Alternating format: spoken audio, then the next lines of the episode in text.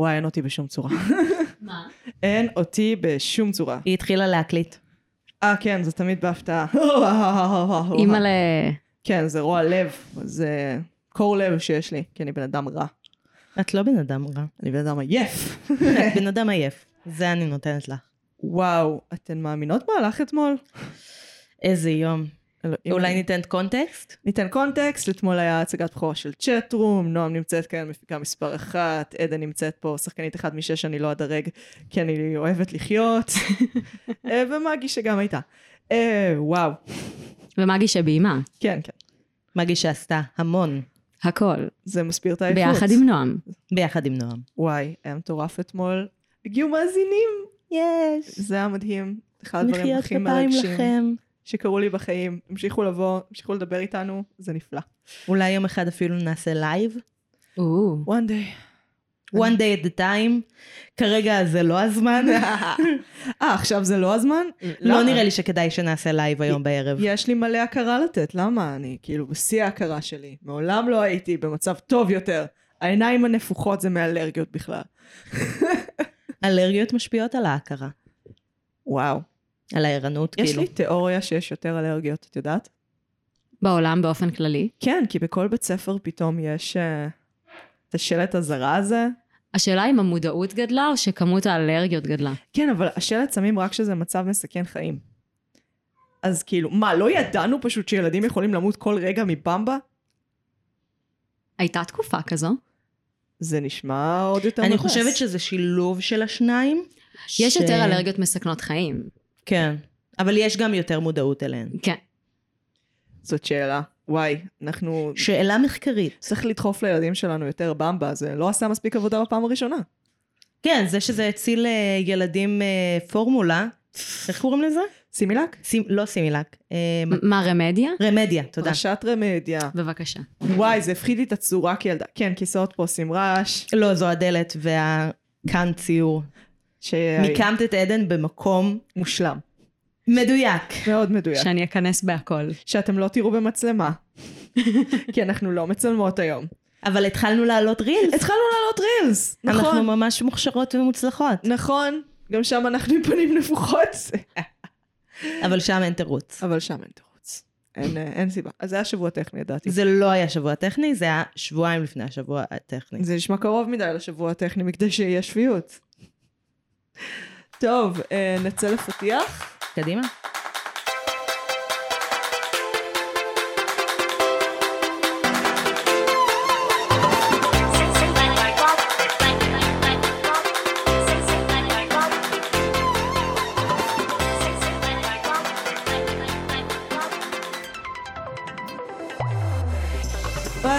פתחנו. רגע, אה, כן, יצא כן. כבר, פנינו לפתיח וחזרנו, את לא יכולה להגיד, רגע, אני מגי, אני נועם, אני עדן.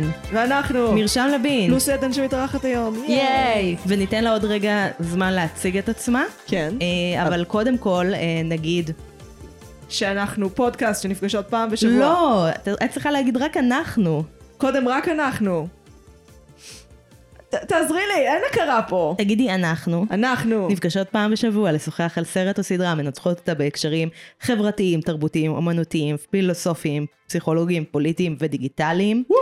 אנחנו נמצאות ברשתות החברתיות, בעיקר בפייסבוק ובאינסטגרם. עדיין לא הבנתי אם טיק טוק יהיה בעניין, אני חושבת שזה לא יקרה. אה, תודה רבה לכל מי שהאמין והאמינה בי, במיוחד לטל שחר, אם היא עדיין מקשיבה. אה, סליחה שיצאתי עלייך בוואטסאפ.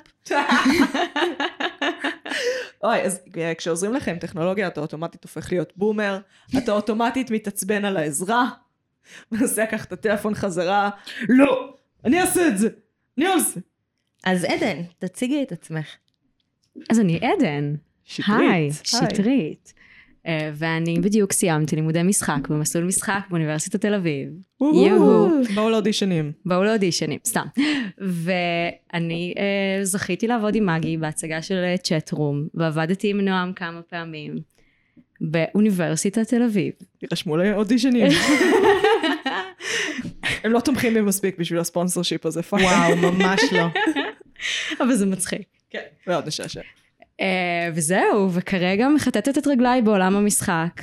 ועושה מלא אודישנים, כי מעולה. זה כיף. אז אם אתם מכירים ויש לכם הצעות עבודה שוות ומעניינות, אני כאן. אה, והיום נדבר על התפקיד הלא רשמי שלך, שנגלה בהמשך מהו התפקיד הסודי, סודי, סודי. אבל עדיין לא. אבל עדיין מאוד. לא, כי לפני זה אנחנו מדברות על מה צרכנו השבוע? לא שעות שינה ואוכל. במה צרכנו השבוע? אנחנו מדברות על uh, תוכן שצרכנו בשבוע האחרון. Uh, לפעמים יותר משבוע, כדי לתת לנועם uh, מרחב גמיש.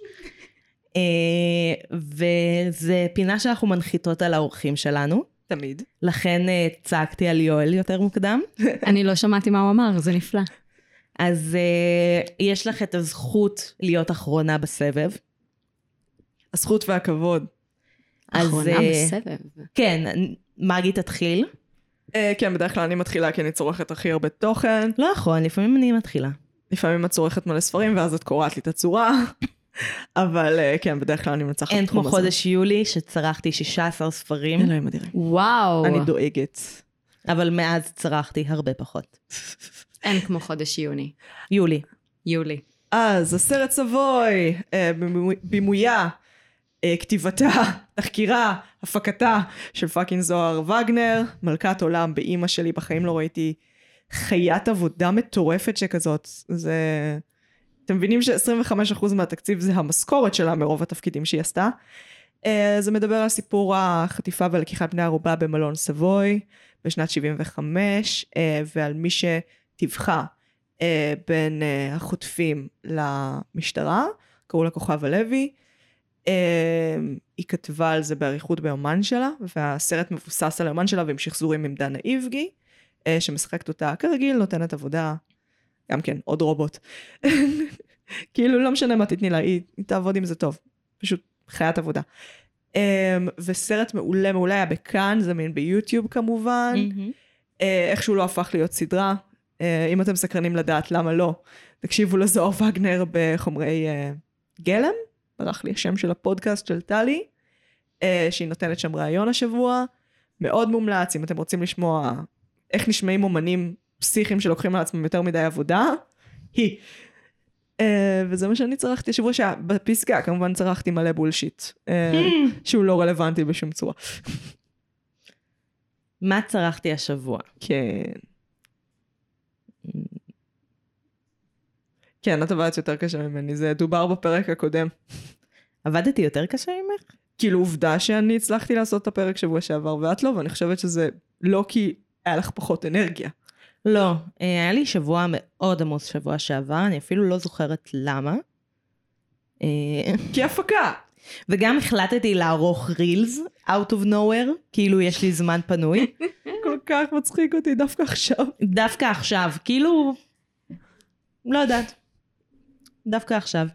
אז אני צרכתי את צ'טרום בשבוע האחרון, אבל אני לא אגיד את זה, אני אדבר על משהו אחר. כן, חפרנו, אה, חפרנו. כן.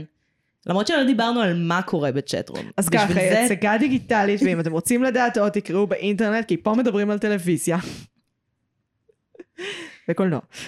ולפעמים ספרים מוקלטים. לפעמים ספרים מוקלטים. אז אני הקשבתי אה, לספר שנקרא One of Us is Lying, אממ. אה, אחד מאיתנו משקר. זה ספר שמתחיל, הוא קצת מתחיל ב vibe של אה, מועדון ארוחת הבוקר, של אה, חבורת טינאייג'רים שנתקעים בריתוק אחד עם השני, רק שאחד מהם נרצח. וכל הזמן מתנהלת חקירה במשטרה, אבל תוך כדי הנערים מנסים למצוא מי האשם האמיתי, כדי להציל את עצמם מלהיות האשמים ברצח, כי הם חושבים שאו שאחד מהם אשם, זה כאילו, כמעט אחד לאחד העלילה של רק רוצחים בבניין. או או שהפלילו אותם. אחד לאחד העלילה של רק רוצחים בבניין. הספר הזה הוא נחמד, כן. אה, נתתי לו שלושה כוכבים. התחלתי להקשיב לספר המשך, שנקרא One of Us is Next, אחד מאיתנו הוא הבא בתור. אה, והפסקתי באמצע, הפסקתי ב-29 אחוז. אה, הוא לא צלח את אה, לזכות בתשומת לב שלי. אה, וזה מה שצרכתי בתקופה האחרונה. יפה ביותר. אז עדן. מכיוון שלא צרחתי יותר מדי השבוע, כי גרתי עם מגי ונועם בחדר החזרות, היה לי מפגש מעניין עם ספר שקראתי בכיתה ט' וחזר אליי ממש לפני שלושה ימים. אנחנו יכולים ללכת על זה? בטח. בטח, בטח. יאללה. אה, קוראים לספר מקום אחר. אה, כתב סלש כתבה, מעולם לא בדקתי אם זה בן או בת, אה, גבריאל סיוון. שזה ספר מצוין, שאני לא יודעת אם שמעתם עליו, אבל הספרנית הביאה לי אותו בכיתה ט'. ואמרה לי, את תאהבי את הספר הזה. והיא צדקה, כי פשוט לא ישנתי באותו לילה עד שלא סיימתי אותו. וואו. מאז קראתי אותו עוד שלוש פעמים ושכחתי ממנו. במקרה אימא שלי הביאה אותו מהספרייה שלשום.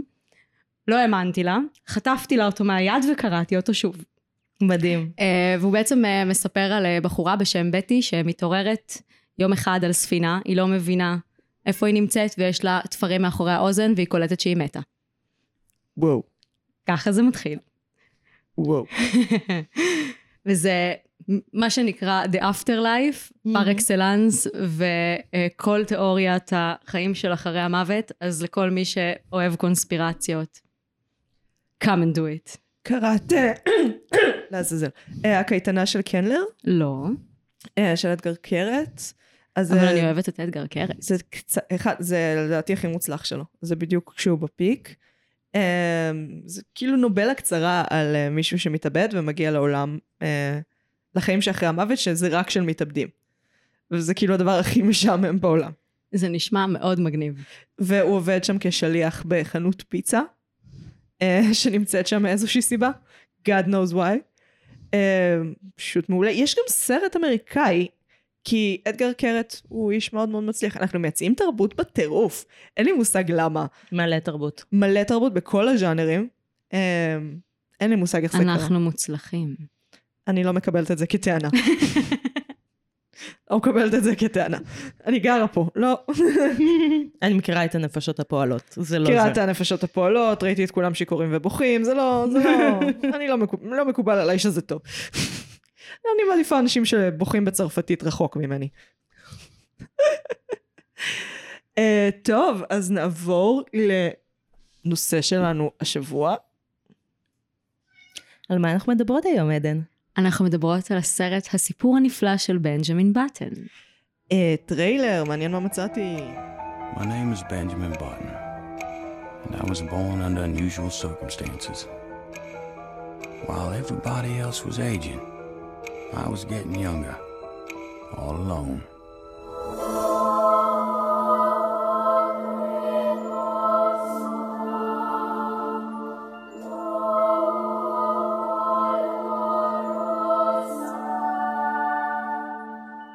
אה, זה הסיפור המופלא של בנג'מין בטן. או, כולם זוכרים שבראד פיט היה חתיך כשהוא היה חתיך? לא? טוב. אה, הוא סרט דרמה אמריקאי משנת 2008. הסרט עוסק בבנג'מין בטן, ילד נטוש שחולה במחלה שגורמת לו להזדקן הפוך, מזקנה לילדות. מאיזושהי סיבה, אה, שפוגש בדייזי ומנהל עימה רומן סיפור אה, super creepy לאורך 72 שנה, שבה כל צד זוכה להיות קצת פדופיל. אה, הסרט נכתב על ידי אריק רוט, שם דבר מטורף בתחום הקולנוע, ובוים על ידי דיוויד פינצ'ר, שם דבר מטורף בתחום הקולנוע, ומבוסס על סיפור קצר מאת סקוט פיצג'רלד, שם ענק בתחום הספרות. אמ, כאילו כן, זה קצת לגגל על זה ולהיזכר כאילו מי היו המעורבים והכל מהמם. מה זה, זה היה לא נעים בכמה שכאילו, אה, אייקונים אחד אחד. אוקיי, אימא'לה. אה, לא שמתי לב בכלל. הרגשתי שזה, לא יודעת, קומדיה רומנטית קצת רצינית. בייסיקלי. כן, אה, אבל לפני הכל, עדן, את אחראית לבחירה שלנו השבוע? כן. כן, אני כן. אל תתעממי. אני לא מיתממת. אז אה, מה תפקידך הרשמי? מה תפקידי הרשמי? בכוח, כן? אני אה, מעריצה את קייט בלנשט לא בארון. כן, שום כן, צורה לא חברים. בארון. שום צורה לא בארון. אה, כל סרט שהיא דרכה בו, ראיתי.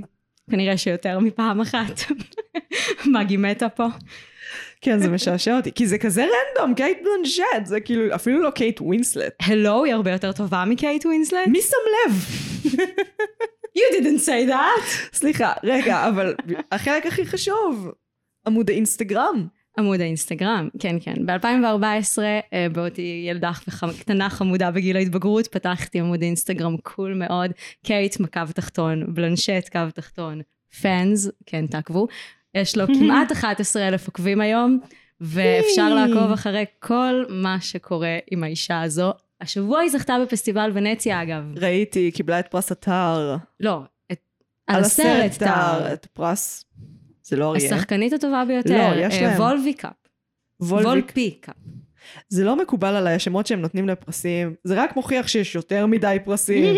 חד משמעית, יש יותר מדי מהם. יש דוב הזהב. דוב הזהב. מה, מה בדוב אומר, ניצחת אחי?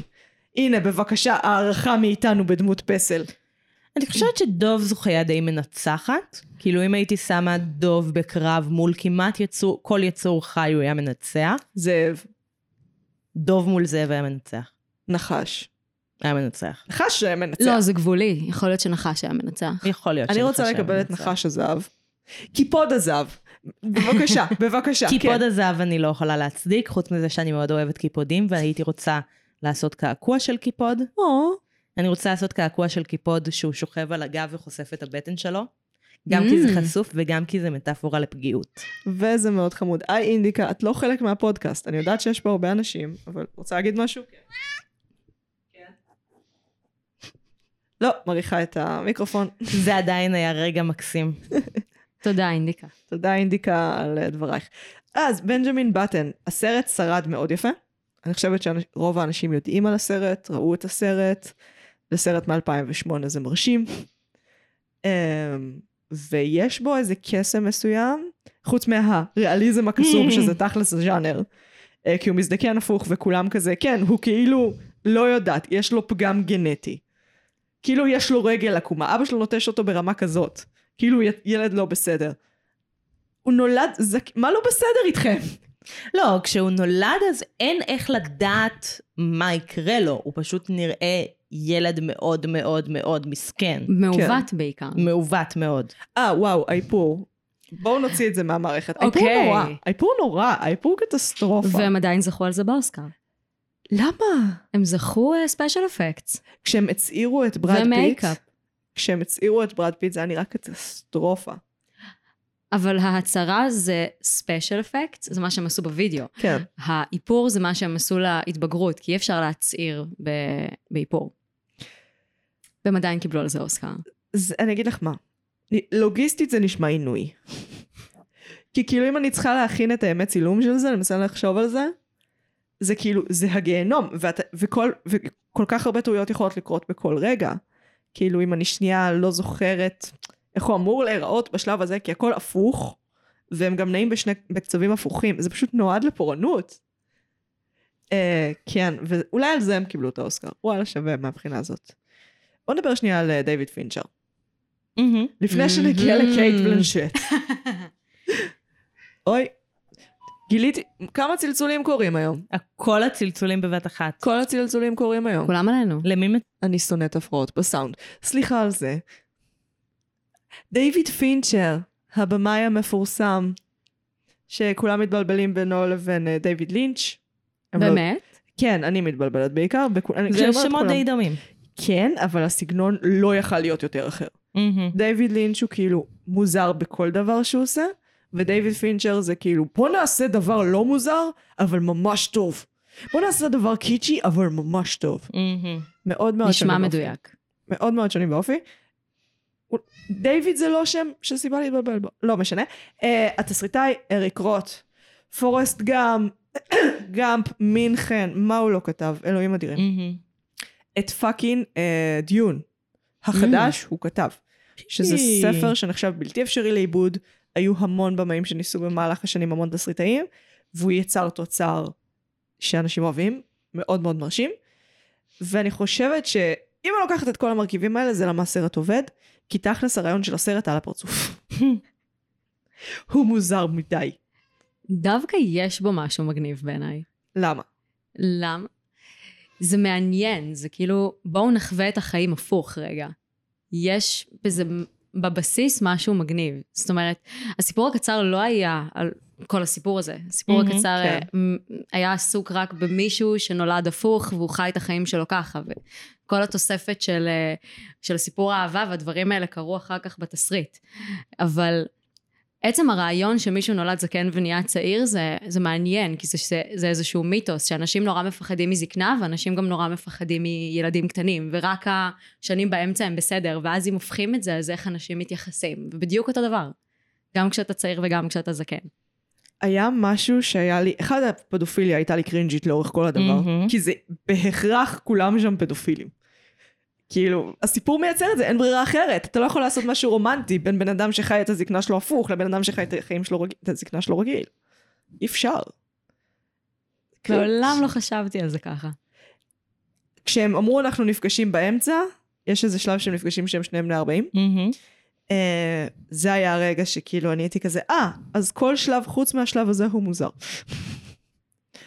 לא, עשר שנים לפה, עשר שנים לשם זה לא כזה מוזר. זה לא היה עד כדי כך מוזר. כל אבל, תקופת אה, ההנימון שלהם הייתה מוצלחת. כן, שם הוא כבר יותר צעיר ממנה, אם אני זוכרת נכון. אה, לא. זה מתחיל לפני, זה מתחיל כשהיא יותר צעירה ממנו והיא חוזרת אליו, וממשיך עד שהוא כבר נהיה יותר צעיר ממנה ואז הוא בורח. אני חושבת שהם כן עשו את ה-20 ומשהו שנה ביחד אולי, מהמם. כזוג. שזה סיפור תקופה אהבה משמעותית. של לס- 73 שנה. לסיפור אהבה. כן. אבל אולי גם המוזרות של זה הופכת את זה ללא קומדיה רומנטית. כאילו... זה לא והחוס- קומי. זה לא קומי בשום צורה. אבל uh, אני חושבת שהמוזרות של זה גם הופכת את זה ל... את הרומנטיקה לסב... לסבילה. כאילו, כי הרבה פעמים רומנטיקה בסרטים היא יכולה להיות מאוד uh, מפעילה את הציניות, וזה גם אם... אפילו the girliest girl in the world, אתה צריך כאילו לנטרל משהו מאוד ציני בך. מהמם. Uh, ויכול להיות שהמוזרות של הסיפור והעובדה ששלושה giants of industry אחראים על היצירה, אז זה אפשר לרומנטיקה לעבור הרבה יותר יעיל והרבה יותר טוב והרבה יותר אמיתית. למרות שזה ריאליזם קסום הזוי במיוחד. אז קייט בלנשט, כן? הו, כן, כן, go for it. I will. לא, אני אתחיל מ fun fact מעניין. כן. מהמם. אה, נכון, יש את הסצנות, יפה מגי. כן, השמש מסנוורת את נועם, את הווילון. נכון, יש את הסצנות. בבית החולים, כן. של, ה- של קרולין ודייזי. מהמם. עכשיו, אני המון זמן שברתי את הראש. מי עושה את אה, דייזי המבוגרת? כן. זאת השחקנית, לא? זאת קייט בלנשט. כן, כן. באיפור מוצלח מסיבי. להפליא, כן, כן. אה, וביכולת אה, משחקית מצוינת לשחק אישה מבוגרת. וזה היה רגע מאוד מפתיע. ובהתחלה, אן אן פנינג קוראים לה? אני מע- מעריכה. אל פנינג, אני חושבת. אן פנינג? אל. אל פנינג. הם שתי אחיות. אוף, לא, זאת אן, לדעתי. אל לדעתי יותר מבוגרת. לדעתי זו אן. אה, יש דקוטה ויש אל, מהמם. אני די בטוחה. הם אחיות שהם היו child actors ועכשיו הם... שמשחקת את דייזי הצעירה. כן. אז אה, מכיוון שהם ראו שהקולות שלהם מאוד מאוד שונים, אז הם החליטו לעשות mix-up, ובעצם כל טקסט שדייזי הילדה אמרה, קייט אמרה, ואז הם שילבו את שני הקולות ביחד, וזה מה ששומעים בסרט. וואו. הנה, בדיוק על זה אני זו מדברת. השקעה גבוהה. אה, זה בדיוק היוצרים האלה. אבל דיוויד פינצ'ר גם ידוע בתור אחד שיעשה 300 טייקים לסצנה. זאת אומרת, מהמם. סצנת הריקוד שדיברתי איתך עליה מקודם, של אה, דייזי במזרקה, עשו לה כמעט 300 טייקים. וואו. זה סיזיפי. זה לא סביר. זה מטורף. אני מאוד נגד. לפחות זה סצנת הריקוד במזרקה, ולא כאילו, לא יודעת, משהו שעכשיו צריך לעשות. הנדל יור קאט. היא, היא, נגד, היא נגד הקלטות, מה אני אעשה? היא נגד הקלטות, היא נגד ציוד, היא נגד שיהיה לי טוב. זה למה היא הורס לי את הרגליים עם השריטות האלה. היא הלכה. תודה, אינדיקה. היא הלכה. איך זה ממשיך? לא, לא מצטטים את ההצגה עכשיו, זה לא מה שאנחנו עושות. זה לא מה אני שאנחנו יכולה עושים. להמשיך, תיזהרי נועם. אוקיי, ההצערה שהם עושים לו שם, ב-2008, ההצערה הדיגיטלית. אה, היא הייתה מאוד מאוד בהתחלה שלה. נכון. זה למה זה היה קרינג' מיד. בדרך כלל מהמם. לוקח איזה עשר שנים עד שטכנולוגיה נהיית קרינג'. סליחה, אין את הקול שלי.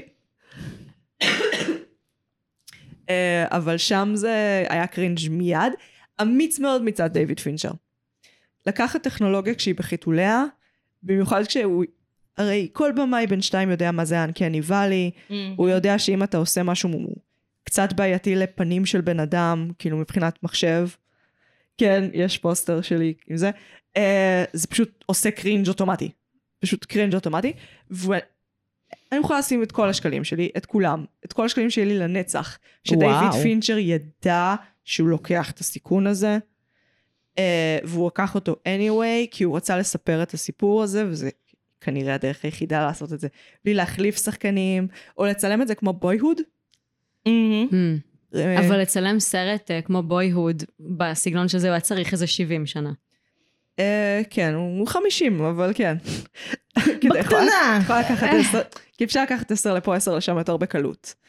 אה, וזה גם שוב סיוט לוגיסטי, כי זה בעצם לצלם הפוך. זה לצלם את הסצנות האחרונות קודם, אה, ואז כאילו ככל שמזדקנים לספר את הסיפור יותר אחורה, ובבויהוד, סף התבגרות, סרט מאוד מוכר, צולם לאורך, אם אני זוכרת נכון, עשר שנים.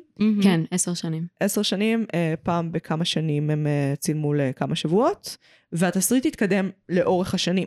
זאת אומרת, הם לא כתבו את הסוף מראש, הם ידעו בערך, שזו החלטה מאוד מאוד חכמה, כי אם אני הייתי צריכה להיתקע עם סצנות שכתבתי לפני עשר שנים, ולצלם אותם עכשיו, אני הייתי רוצחת מישהו, חד משמעית. זה לא סביר שהאמן יצטרך להתמודד עם החרא שהוא כתב לפני עשר שנים. אה, זה, זה בלתי נסבל, זה בלתי נסבל. אין אמן שיחשוב שזה בסדר. שמה שהוא עשה לפני עשר שנים, הנה זה מושלם, איזה גאון אני. חוץ מסופרת שסיפרתי עליה לפני כמה זמן, שהתחילה לכתוב את הספר שלה בתיכון, וחזרה לכתוב אותו בתואר השני שלה או משהו על כזה. גופתי אני משחררת את הספר שכתבתי בתיכון, את שדה תעופה נוטופיה, על גופתי. על גופתי הוא נורא, literally אוכלים בו גופות באיזשהו שלב. מדהים. למה? לא יודעת, כי הייתי fucking edgy bitch, מה אני יודעת?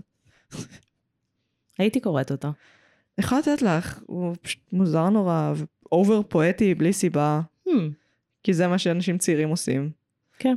כי פואטיקה זה דבר ראשון שאתה מתאהב בו, ואז ככל שאתה מתבגר אתה כזה, כן, אבל הפואטיקה היא הכי יפה דווקא כשהיא במינון, וכשהיא נגיעה של פואטיקה, וכשהיא בפועל מבוססת על דברים שהם הכי טכניים ומכניים. כן. זה גורם לי לרצות לצטט מצ'טרום. I will kill you. בנג'מין בטן. אז אני אה, מתישהו התחלתי להסתובב בעולם, ולהגיד לאנשים אה, שאני חושבת שזה הדבר האידיאלי, להיוולד סגנים ולהצטער. מעניין. אה, ואני חושבת. שזה פתח בינינו שיחה על מין. נכון.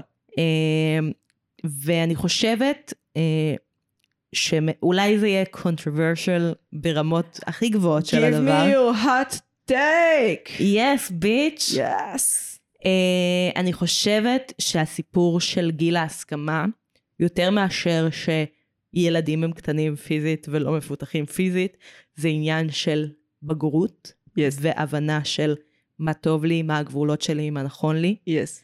Uh, ובאותה מידה, בנג'מין בטן, כשהוא בן, לא יודעת בן כמה הוא כשהוא שוכב עם הזונה בפעם הראשונה, 12. 12, אה, הוא לא בגיל הסכמה בשום צורה. לא. הוא רק נראה בגיל הסכמה. זה מזכיר לי את ביג. אה, יש את הסרט ביג, שכאילו Mhm. ילד מתעורר בגוף של מבוגר, ויש שם סצנת סקס, כי... אוי ואבוי. והיא לא מוצגת כדבר דפוק, של תום הנקס, כאילו, ו... יש גם עוד סרט דומה לזה, של uh, 13 to 30. בדיוק, כן. יש שם מין? אה, כן, לא, יש שם מין. היא, היא מתעוררת, ב... אחרי שהיא עשתה, כאילו, היא מתעוררת בגוף המבוגר שלה, אחרי שהיא המבוגרת כבר עשתה מין עם החבר שלה. אבל אין מין לאורך הסרט. אין מין, יש נשיקה. cringe, less cringe. less cringe. מאוד אהבתי את הסרט הזה. גם אני מאוד אהבתי אותו. קומדיה רומנטית מעולה, עשויה מאוד טוב. אבל זה מעניין מה שאת אומרת, כי זה באמת הרגיש שהוא לא צריך לקיים איתה יחסי מין. כן. זה היה לא תקין, ולא כי הוא לא נראה בגיל הנכון, אלא כי הוא לא רוצה או לא מרגיש שהוא מוכן ברמה הנפשית לקיים כרגע יחסי מין. למרות שהם לגמרי מציירים את זה בתור, יש לו מלא אנרגיה, כי הוא כביכול צעיר, והוא כאילו... ראיתי את הסצנה הזאת ממש לפני כמה רגעים. מספר רגעים, מספר. אה, סתם ראיתי אותה ביום שבת. אה, ו, ולא מייצרים את זה כזה בעייתי, הוא לא מוכן, כאילו מייצרים את זה בתור אה, משהו הגיוני יחסית, בעיניי לפחות. אבל זה כן נתון לפרשנות, כי מהמם. האופן שבו זה מצולם ושמצלמים אותה ואת השדיים שלה ואת האופן שבו היא מפתה לעומת האופן שבו הוא מצטלם, ואני מדברת לגמרי. על הזוויות צילום, לא על מה שהטקסט בהכרח מעביר, לגמרי. גורם לזה לה- להרגיש לא נכון, גם לצופה. מהמם. לא כי אנחנו צופים educated משנת 2022, אני זוכרת שגם לפני עשור כשראיתי את זה, אמרתי לעצמי, למה, למה הוא מכריח אותו לעשות את זה? לא, זה היה קרינג' מוחלט בהתחלה, שמרשים. תמיד שגברים בומרים מצליחים ב- לפני 2016 לעשות, לחשוב מחשבות מוסריות, לבד לגמרי, בלי פמיניסטית בצד שתצעק עליהם. אולי הייתה כזו. כך גאה. לא, אני באמת חושבת שזה ממנו. אני לא ראיתי את מה שאתן מדברות עליו. מעניין. ההפך, אני ראיתי את זה שהוא א' נהנה, אבל זה הגיוני. זה, זה, זה דפוק להגיד את זה, אבל זה הגיוני, כי אחד בן 12 דווקא, ההורמונים ברמה ה... לא יודעת, מוחית, אני לא יודעת אם. הנוירוטרנסמיטורים שלו הושפעו מהורמונים של הגוף. fuck if I knows. אבל הם כן נתנו את ההרגשה שהכוח גברא שלו, כאילו היכולת שלו להרגיש הורמונים מיניים, היא כן של בן 12. Mm. ובן 12, רובם המוחלט, הם עוד שנייה פוצעים לעצמם את איבר המין מרוב שהם מאוננים. אז כאילו, הוא נהנה גם מהתחושה הפיזית ומהחוויה של להיות קרוב לאישה. הוא לא יהיה מוכן לזה, מהמם. אבל הוא נהנה. מבינה? זה, זה דווקא... המור... הבנתי. מורכבות פמיניסטית מאוד מעניינת. סחטיין דיוויד פינצ'ר, יא בומר מוכשר. אגב, זה עושה לי אסוציאציה לסדרה אוסטרלית שקוראים לה מקום בלב, שאני לא יודעת אם אתם אה, מכירים. ראיתי פעמיים כמובן, מהממת, ראיתי שש. ניצחת. יש. אה, יש שלוש עונות אם אני זוכרת נכון. לא, שתיים? שש. אה. שש עונות, שש וראית אותה עונות, שש פעמים. פעמים. כשתרצו לדבר עליה, תקראו לי שוב. אה, לנובלה אוסטרלית, כן. מצוינת. אז הייתה שם סצנה אה, שהכריחו את, את אה, דיוויד הילד להיות עם זונה, אני לא יודעת אם את זוכרת, והוא ברח מהחדר. כאילו הוא ראה את הזונה, הזונה הסתכלה עליו, הוא גם היה בן איזה 12-13, שם מהמם. היה מדובר בילד והוא ברח מהחדר, ואבא שלו צעק עליו you're not a man. ומרגיש לי שזה המראה של הסיפור אצל בנג'מין, למרות שהוא כן הלך על הדבר. יש גם בשמיכה חשמלית ושמה משה, אם מהמם. אני זוכרת שנכון, אחד מהחבר'ה של החיים על פי האגפה, אחד מהטרילוגיה הנודניקית הזאת, אז uh, יש שם דמות גם של סקס uh, וורקר, אני לא אוהבת להשתמש בזונה, זה, זה דפוק בעיניי. Uh, במיוחד אחרי שראיתי את סבוי. תראו את סבוי, תבינו למה אני מתכוונת. on my list. Uh, אני לרוב אומרת אישה במעגל הזנות. אני לא אוהבת את זה, כי זה אבל בעיניי... זה כי יש לנו דעות שונות על מעגל זה הזנות. נכון, זה נכון, יש לנו דעות מאוד חלוקות בתחום הזה. Uh, יש פרק על זה, go find it. בכל מקרה, uh, וגם יש, הוא מביא את הילד הנכה שלו, האבא, לסקס וורקר, וכאילו הילד בקושי מצליח לתפקד, ואז מגיע, ואז מגיע מישהו וצועק עליו, ואז האבא מנסה להראות לו איך.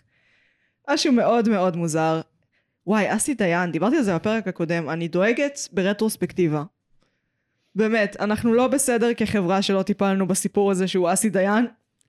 כולנו ראינו, לכולנו הייתה את היכולת ואף אחד לא אמר כלום. אני רוצה לחזור אחורה. לכי על זה. אמ, זרקת קודם שבמבנה של הסיפור, באופן מובנה, שתי הדמויות המובילות של הסיפור אה, חוטאות בפדופיליה. כן, אמ, לחלוטין. ואני רוצה לעלות ולאתגר אותך, לכי על זה. ולהגיד שהרבה יותר משהיה מוזר שבנג'מין בטן היה בקטע של, בקטע לא בקטע מיני, בקטע חברי פלוס, ב- אה, בקטע של החברי פלוס של אה, דייזי בילדותם, היה הרבה יותר מוזר שדייזי נמשכה אה, באיזושהי צורה אל אה, בנג'מין בטן. היא הבינה את זה מאוחר. זה גם, הם כן ביססו את זה בהתחלה, ממש בקטנה, שכן היה ביניהם בונד רגשי מסוים, כאילו של חוויית חיים משותפת. כן, חד משמעית. הרגע עם הנר. כן. הרגע עם הנר, הרגע עם הנר הוא מאוד מוזר. מבחינתי, מהזווית של דייזי הוא יותר מוזר. כי היא שמה את עצמה עם גבר שהיא חושבת שהוא גבר מבוגר, בסיטואציה מאוד אינטימית. כן, שמתנהג כמו ילד. כן. שמתנהג כמו ילד. ילדים לא, הם לא שמים לב לזה, את רואה את זה הרבה בכיתות שמשלבים אה, כל מיני סוגים של הפרעות. מהמם. אז ילדים בשנייה שהם מבינים שבן אדם הזה צריך קצת עזרה, אז כאילו הם אפילו לא שמים לב. זה ברמה הזאת. הם, הם לא, אנחנו הבעיה, המבוגרים זה הבעיה, אנחנו, כבר זה נטמע בנו כל כך לשים לב לדברים האלה, מבחינתה אם הוא מתנהג כמו ילד, הוא שווה להיות לידו. שוב, מאוד מתקדם גם דיוויד. מבוגר עם דמנציה יכול להתנהג כמו ילד. ויש ילדים, הרבה מהם, במיוחד בשכבת גיל הזאת, עוד לפני שהם נהיים אה, מודעים חברתית, שכן, הם הכי ייהנו מזה. אני לא יודעת אם ראיתם את הסדרה 84. לא. אה, ראיתי פרק או שניים. אה, עם הילדים בבית אבות. עם. הילדים בבית אבות. הלב. זה היה קסום קצת. זה היה קסום, זה היה של כאן. זה, זה היה קסום. שהם מביאים ילדים לבית אבות והם עושים גן משותף, זה בדיוק מה שאני מדברת עליו. וזה בדיוק אבל זה. זה לא זה, לא, כי הם זה לא שיחקו זה. איתם ברמה הזאת. היה הם איזה רגע... שיחקו איתם ברמה של סבים ונכדים. לא, היה רגע שהילד רצה שהסבא ירוץ איתו וישחק איתו בכדורגל, והסבא נורא רצה וניסה, והוא לא הצליח, והוא אמר, הוא לא רואה, הוא לא רואה שאני לא יכול. אבל הוא, הוא כאילו, הם חברים שלי, זה היה ברמה שהם הרגישו הם אמרו חברים, הם לא שהם אמרו... חברים שלהם, גם, גם המבוגרים וגם הילדים. ו, ולדעתי זה bonding ברמה הזו, של אנחנו באותו גן, אנחנו עכשיו באותו מקום, ואנחנו חברים, לא מיני, אבל אנחנו חברים. וזה דווקא היה רגע קסום בעיניי. הגילנות וכל הדברים האלה, הרבה מזה, זה שלנו, זה של המבוגרים, אין מה לעשות. זה עוד לא הגיע ל... זה עוד לא הגיע לילדים. הם באמת כי... הם, הם, הם הכי טובים של... הם גם הדבר, הדברים הכי טובים בנו וגם הדברים הכי רעים בנו ילדים. כאילו, וזה חד משמעית הדברים הכי טובים בבני אדם. יש גם משהו בגיל השלישי, כי החוסר אונים, שהוא אותו חוסר אונים. כי החברה שמה עליך אלף זין, אף אחד לא מתרגם לך מה שקורה, והרבה פעמים אתה לא מבין מה שקורה. אצל ילדים כי הם עדיין לא התנסו, אצל מבוגרים זה כי העולם מאוד השתנה. אני כן אוהבת את זה, זה מאוד חכם בעיניי, מבחינת התסריטאי לעשות את זה. הפדופיליה, היא אני חוזרת אליי, כי תכלס אין פה פדופיליה. מהמם. תכלס אין פה באמת פדופיליה, החיבור שלהם הוא רגשי במאה אחוז. יש שנייה אחת של חיבור פיזי כשהיא יותר מבוגרת והוא יותר צעיר, שהיא אומרת לו שהוא חתיך פיזית כאילו, היא- שהיא נמשכת לגוף, וזהו. הוא שאר- עדיין יותר מבוגר ממנה בשלב הזה. כן. זה ו- כשהיא חוזרת אחרי הפציעה. נכון. שם את מכוונת. נכון. וזה הרגע היחיד שהרגשתי שזה פיזי ביניהם. כאילו אפ- אפילו העניין המיני הרגיש רגשי. הפדופיליה זה פשוט כי הסיפור קצת דפוק. כן, אבל בסופו של דבר הם שניהם מתבגרים. הם מתבגרים בצורות שונות, אבל הם מאוד. מתבגרים. כן. אה, ואז, ואז הוא מגיע, חוזר למקום של החוסר אונים, לפניה. שזה כן. באמת הקטע הדפוק, ואז הם בחוסר אונים ביחד. כשהוא מת לה בידיים בתור תינוק, וואי, איזה בכי. וואו. כל הבכי, כל ההיסטריה. כל הסצנות האלה, מהרגע שבו היא חוזרת uh, לטפל בו, שהוא כן. קטן, שהוא תינוק אה, עם אלצהיימר. לא ניתן לתפקד ולראות לא. את הסרט הזה, כאילו, אלא אם כן יש סביבכם ערימה של אה, נייר טואלט. זה משלב שלושה דברים שפשוט נוגעים לנו בנפש, שזה תינוקות, אה, אה, הסיפור אהבה שהוא גורל, ואנשים מבוגרים, וזקנים שחיו, שהם בסוף חייהם והם חיו חיים שלמים. אין, זה שלושה הדברים. זה אולי לידה, אולי אם היה לידה באותו רגע, כאילו היית יכול לבכות יותר. לתפור את כל הדברים האלה ביחד. אם הוא היה איכשהו מת בצורה של לידה. כאילו- חוזר לבטן של אימא. הופך לעובר מול העיניים כן, שלנו. כאילו דמעות של נולד ילד, ראית בייבי בום? או, לא. זה היה נפלא. בבקשה. העונה הראשונה של בייבי בום, עוד לפני שמתרגלים כאילו, כי אין מה לעשות, מתרגלים להכל. זה כל פרק אתה בוכה בהיסטריה, הם גם שמים לך שירים של אביתר בנאי כל פרק. כן, אחרי כל לידה, שיר כל של. אביתר בנאי. מדהים. כי כזה העורך כזה, איך אני, איך אני הופך את זה ליותר רגשי בשביל האנשים האלה? קחו, תבכו. קחו תבכו. לתפור את שלושת הדברים האלה. שזה לא יצא טלנובלה. וואו. אבל הוא גם השכיל לדעתי לאורך הסרט לשזור המון דברים מאוד מאוד חכמים, שגם יגרמו לנו לאהוב אותם מאוד, וגם ירצו לנו, יגרמו לנו לרצות שיהיה להם טוב. יש בין, הסצנה הכי גאונית בעיניי בסרט, היא הסצנה שבה מסבירים איך אה, דייזי עברה את התאונה. אני זוכרת אותו בעל פה, צופים יקרים, ממכם הסליחה. אבל אה, או שאני אגיד את המשפט הזה באנגלית ואני לא אנסה לתרגם אותו נשיא live. אותו. Uh, sometimes we are, we are on a collision course and we just don't know it. לפעמים אנחנו במסלול התנגשות ואנחנו פשוט לא יודעים את זה עדיין. whether it's by accident or by design, there is not a thing we can do about it. גם אם זה בלי כוונה וגם אם זה בכוונה, אין שום דבר שאנחנו יכולים לעשות בקשר לזה. ואז מספרים על האישה שהלכה למכולת לקנות דברים בסופר, והחבר שלה עזב אותה, ואיך הם הלכו עם הפרחים, והם הלכו עם הזה, וכל זה גרם לזה שהמונית באותה השנייה תיסע ותפגע ברגל של מאוד דייזי. פיצ'ג'רלד, אגב, אפרופו דייזיז, זה הומאז' כי פיצ'ג'רלד הוא זה שכתב את אה, גצבי הגדול. הרי בסיפור המקורי אין את הסיפור אהבה, אה, ובסיפור אהבה בגצבי הגדול הדמות הראשית קוראים דייזי, וגם יש כמובן פגיעה במכונית, וזה בדיוק הסגנון שלו, כזה, ובוא נעצור את הסיפור הרגיל, ועכשיו נכתוב על משהו שנראה לא קשור, אבל הוא בעצם תיאור מודרני ריאליסטי של אה, מה הולך לקרות. גאוני. הכי פיצ'ג'רלד. אולי זה דברים שאפשר לעשות רק כשאתה מבוגר. בנג'מין בטן. כי אתה צריך גם להבין ילדות, גם להבין זקנה, גם להבין מהי מידה, אבל גם לדעת איך לקחת סיכונים. כן. זה שילוב, איך אני אוהבת פרויקטים בלתי אפשריים לפעמים. פרויקט, פרויקט בלתי אפשרי, כי זה לא אמור לעבוד, וזה עבד, ונראה לי שהם ידעו את זה. אני חושבת שיש, אולי זה לא קשור, אבל אני חושבת שיש משהו ב... לקרוא לסרט הזה סרט רומנטי, שמאוד מצמצם אותו, כי זה, זה כמעט אפוס. מהמם. זה כמעט, אה, זה מסע חיים. ממש. אמ, ואני חושבת שזה המרכז של הסיפור, אולי אפילו שני מסעי חיים. כן, אמ, מתנגשים. מתנגשים. collision course. כן, אבל זה קצת מצחיק, כי אני, ה collision course אני לא מרגישה שהוא נכון. כי זה, הם קצת, הם כזה, כל הזמן עומדים להיפגש, ואז המסלולי חיים שלהם חוטפ- חולפים אחד על פני השני, עד הרגע שבו הם מתנגשים. באמצע. meeting in the middle. meeting in the middle. ואז נפרדים לעד. כמעט לעד, אבל כמעט הוא, לעד. הוא לעד היחסי. הוא לא היה, הוא לא באמת נמצא בחלק שהם, שהוא גוסס. כי הוא עם אלצהיימר, ואת רואה שהוא בקושי חווה. יש רגע אחד שהוא, היא כאילו מרגישה שהוא מכיר אותה, ממש רגע לפני שהוא מת. ממש רגע לפני שהוא מת. זה בדיוק מה שאני מדבר עליו, זה, זה על מסלולי חיים מתפספסים. זה למה זה כל כך כואב. כן. וכולנו בכינו. כן, אני חושבת שפספוס באופן כללי זה משהו שאין מה לעשות. מפחיד את כולם. את כולם, במיוחד בחיים המודרניים, אנחנו כולנו פאקינג נקבות. בחברה הקפיטליסטית המערבית. לא, אנחנו לא בנויים להפסדים, אנחנו לא בנויים להפסדים. אבל זה מעניין, כי אפשר להסתכל על הסיפור שלהם כהפסד, ואפשר להסתכל עליו גם כניצחון, כי בסופו של דבר כן היו להם שנים טובות ביחד, הם הביאו ילדה ביחד, הם נהנו בזמן שהיה להם. השאלה אם זה מספיק.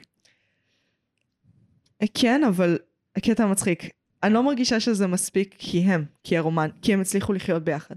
אני מרגישה שזה מספיק כי הסרט מאוד טרח להסביר לי על המסלול חיים השלם שהיה להם, וכמה הם הצליחו להגשים את הדברים שהם רצו, בלי קשר אחד לשני. כן.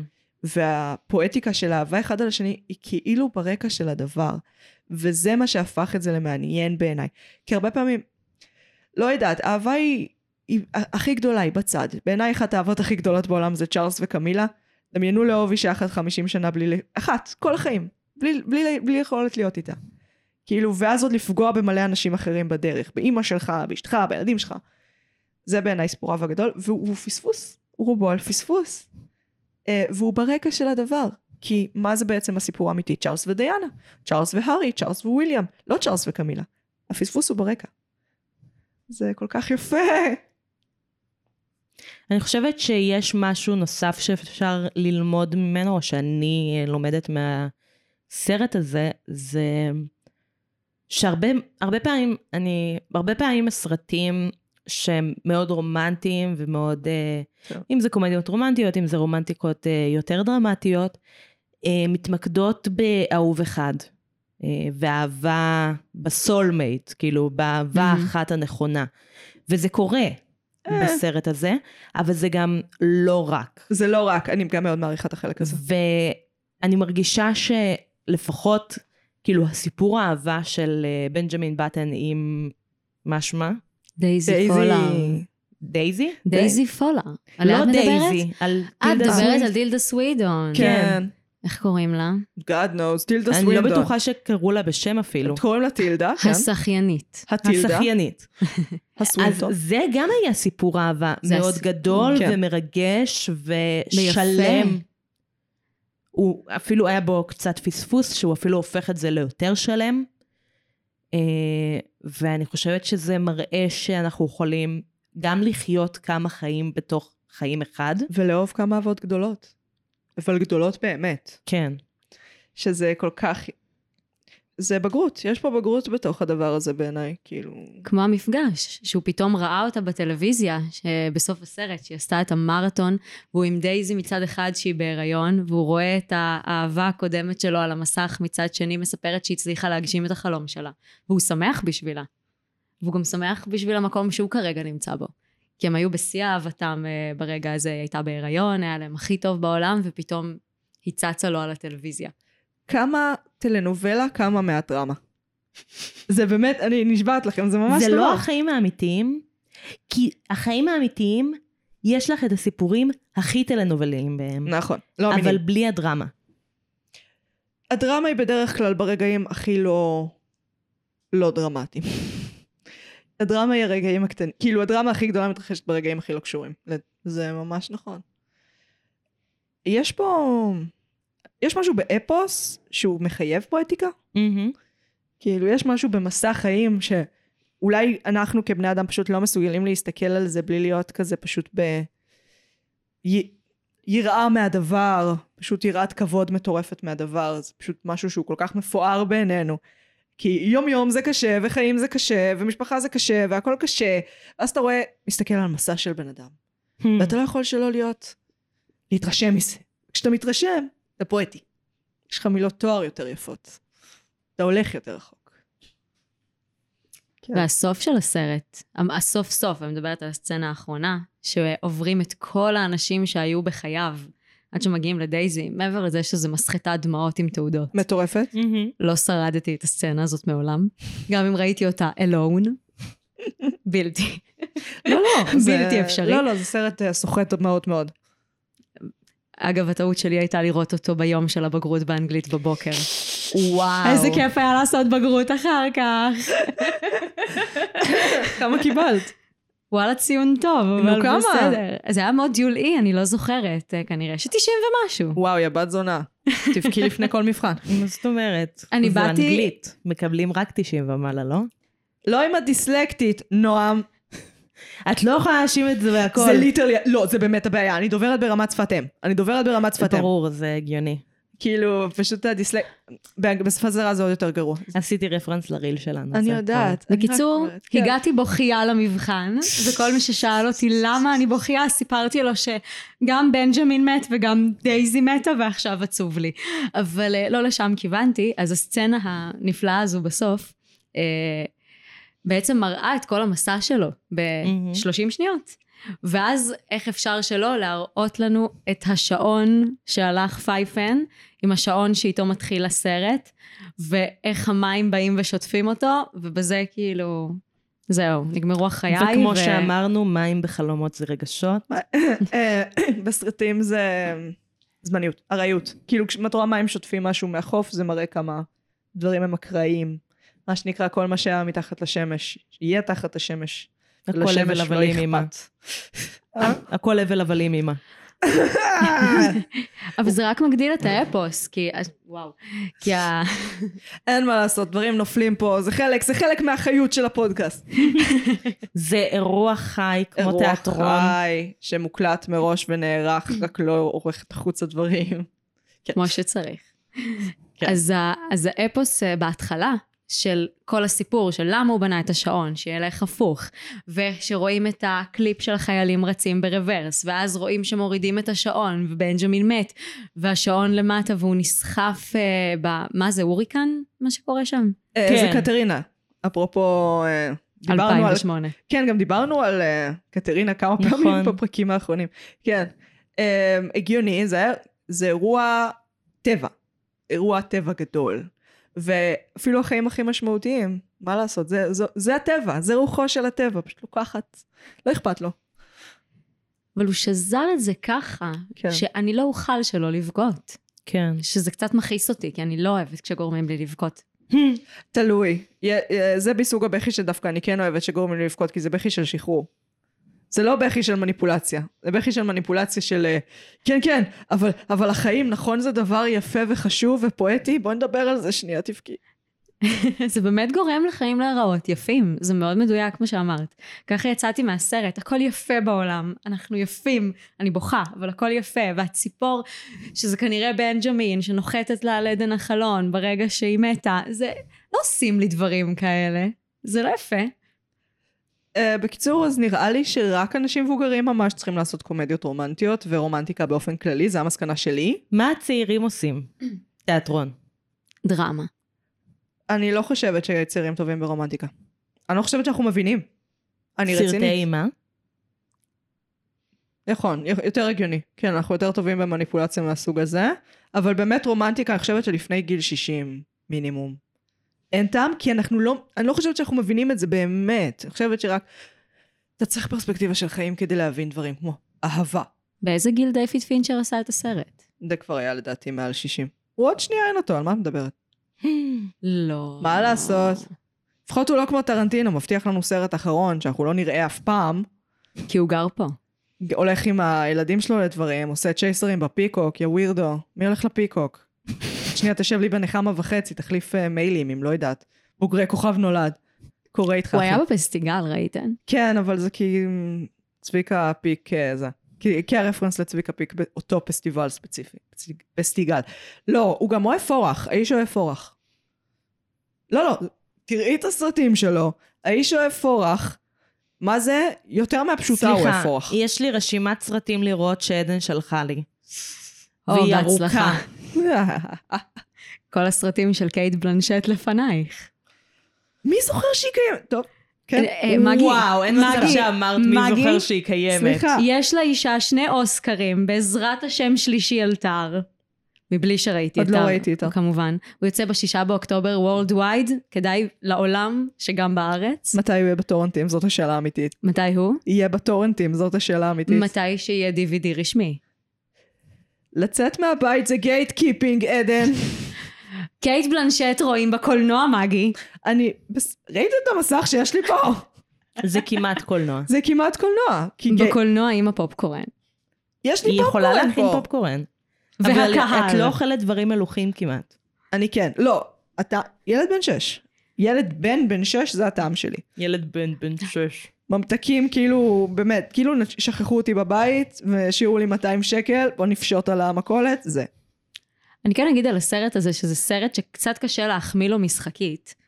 כי מרגיש כן. לי שהוא יותר יפה ממשוחק. כן. אה, בהמון רגעים.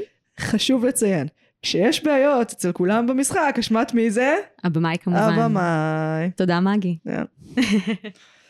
ועדיין, זה אני לא ש... מרגישה שזה הגיע ממקום מאוד כואב, המשפט הזה. זה הגיע ממקום מאוד כואב המשפט הזה, אבל אני באמת מאמינה בזה, ולעומק, ובקולנוע בעיניי זה עוד יותר, במיוחד שזה באותה רמה.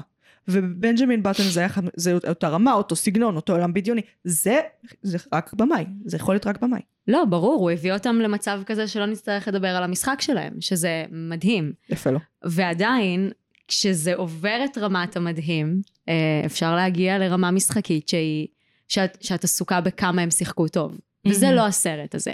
כן. אבל זה, זה סרט, הייתי מגדירה אותו מדויק. כן. שזה מסתדר עם 300 הטייקים של דיוויד פינצ'ר לכל סצנה, פחות או יותר.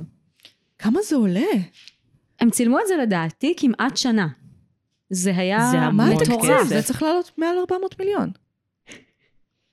המון כסף. זה צריך להיות מעל 400 מיליון. כן? כן, כן. זה 2008, זה סטנדרטים זולים יותר. 200 מיליון ל-2008 זה המון. היום זה כאילו הסרט הכי זול של מארוול. תזרוק, תזרוק special effect, תזרוק כוח אדם. טוב, אין משהו שהם לא עשו שם. גם אה, עם אה, בנג'מין הם עשו כל מיני דברים. רוצים עוד fun fact? כן. יאללה. אז אה, את בנג'מין הם לקחו, הם לא לקחו שחקן, אבל הם לקחו בן אדם, שיעשה אותו המבוגר. אה, והוא, והוא לא, אני לא יודעת איך אה, להגדיר אותו, אבל הוא, הוא מעט אה, משובש בפרופורציות שלו בגוף. כן. ובעצם הם לקחו אחרי זה את הראש שלו ואת הראש של ברד פיט, והם התחילו להשוות את הראשים שלהם בתוכנה. ווואו, נועה מסתכלת עליי במבט שהלוואי וזה היה מצולם עכשיו. עיניים פעורות לרווחה. נהדר. אני מזועזעת. כן.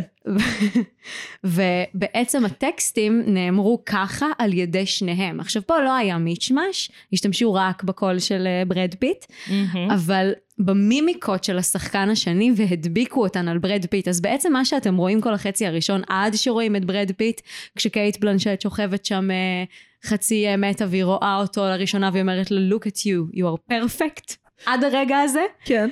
אה, יש פה איזו החלאה בין שני אנשים. איזה גם זוועה. כשהוא עם טילדה, כי עם טילדה הוא נראה רק מאופר. גם כשהוא עם טילדה זו עדיין החלאה, כן, פשוט פחות.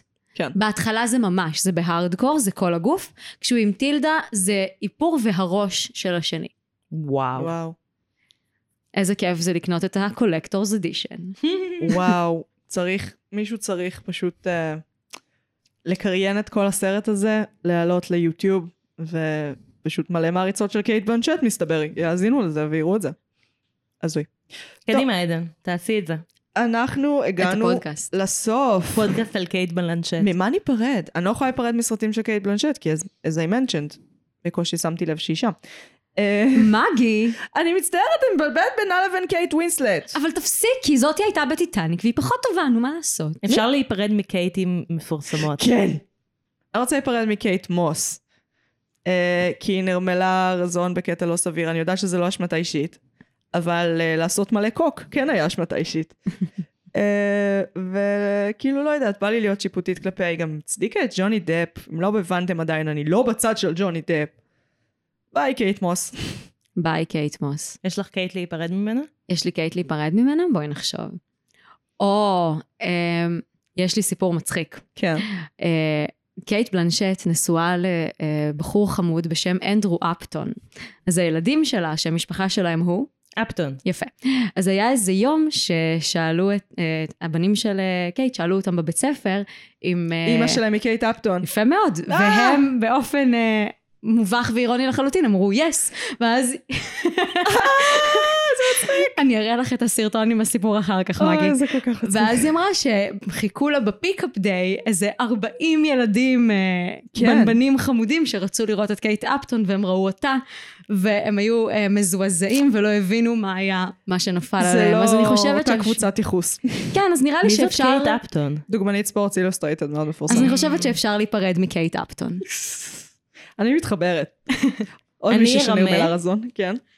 כי הייתה, ניסיתי להיזכר בכמה קייטיות, והייתה קייט בהארי פוטר שרציתי להיפרד ממנה, אבל אני לא זוכרת שום פרטים מזהים עליה, אז לא. אה, אני אפרד מקייטי פרי אוי, בפרסומת של 10 ביס, fuck that. בפרסומת של 10 ביס, שנקלט, נתקע בראש כמו מסטיק לנעליים ביום חם. אה, אבל אני רוצה להיפרד סופית מהשיר I kissed a girl. and I liked it. כן, אני רוצה. שנשכח אותו היסטורית. כן, זה לא היה סבבה. זה לא היה cool. לא. זה לסבופובי וביפובי ברמות. ברמות על. ואנשים איכשהו כאילו מצדיקים אותו. אז אה, קייטי ביי. אנחנו לא קולטים שזה... bye bitch. זה כאילו באותה רמה של טאטו, שהם היו כאילו, כן, אנחנו לסביות במדינה סופר הומופובית, ואנחנו בכלל לא הומופוביות. וחמש שנים אחרי זה, כאילו, אחת מאיתנו היא חברת פרלמנט שהמצע שלה הומופוביה. מה? אבל לסביות. לסביות. אז אני הייתי נועם. אני הייתי מגי. אני הייתי עדן. ואנחנו היינו מרשם לבינג'. פלוס עדן. נשיקות. נהיה בשבוע הבא.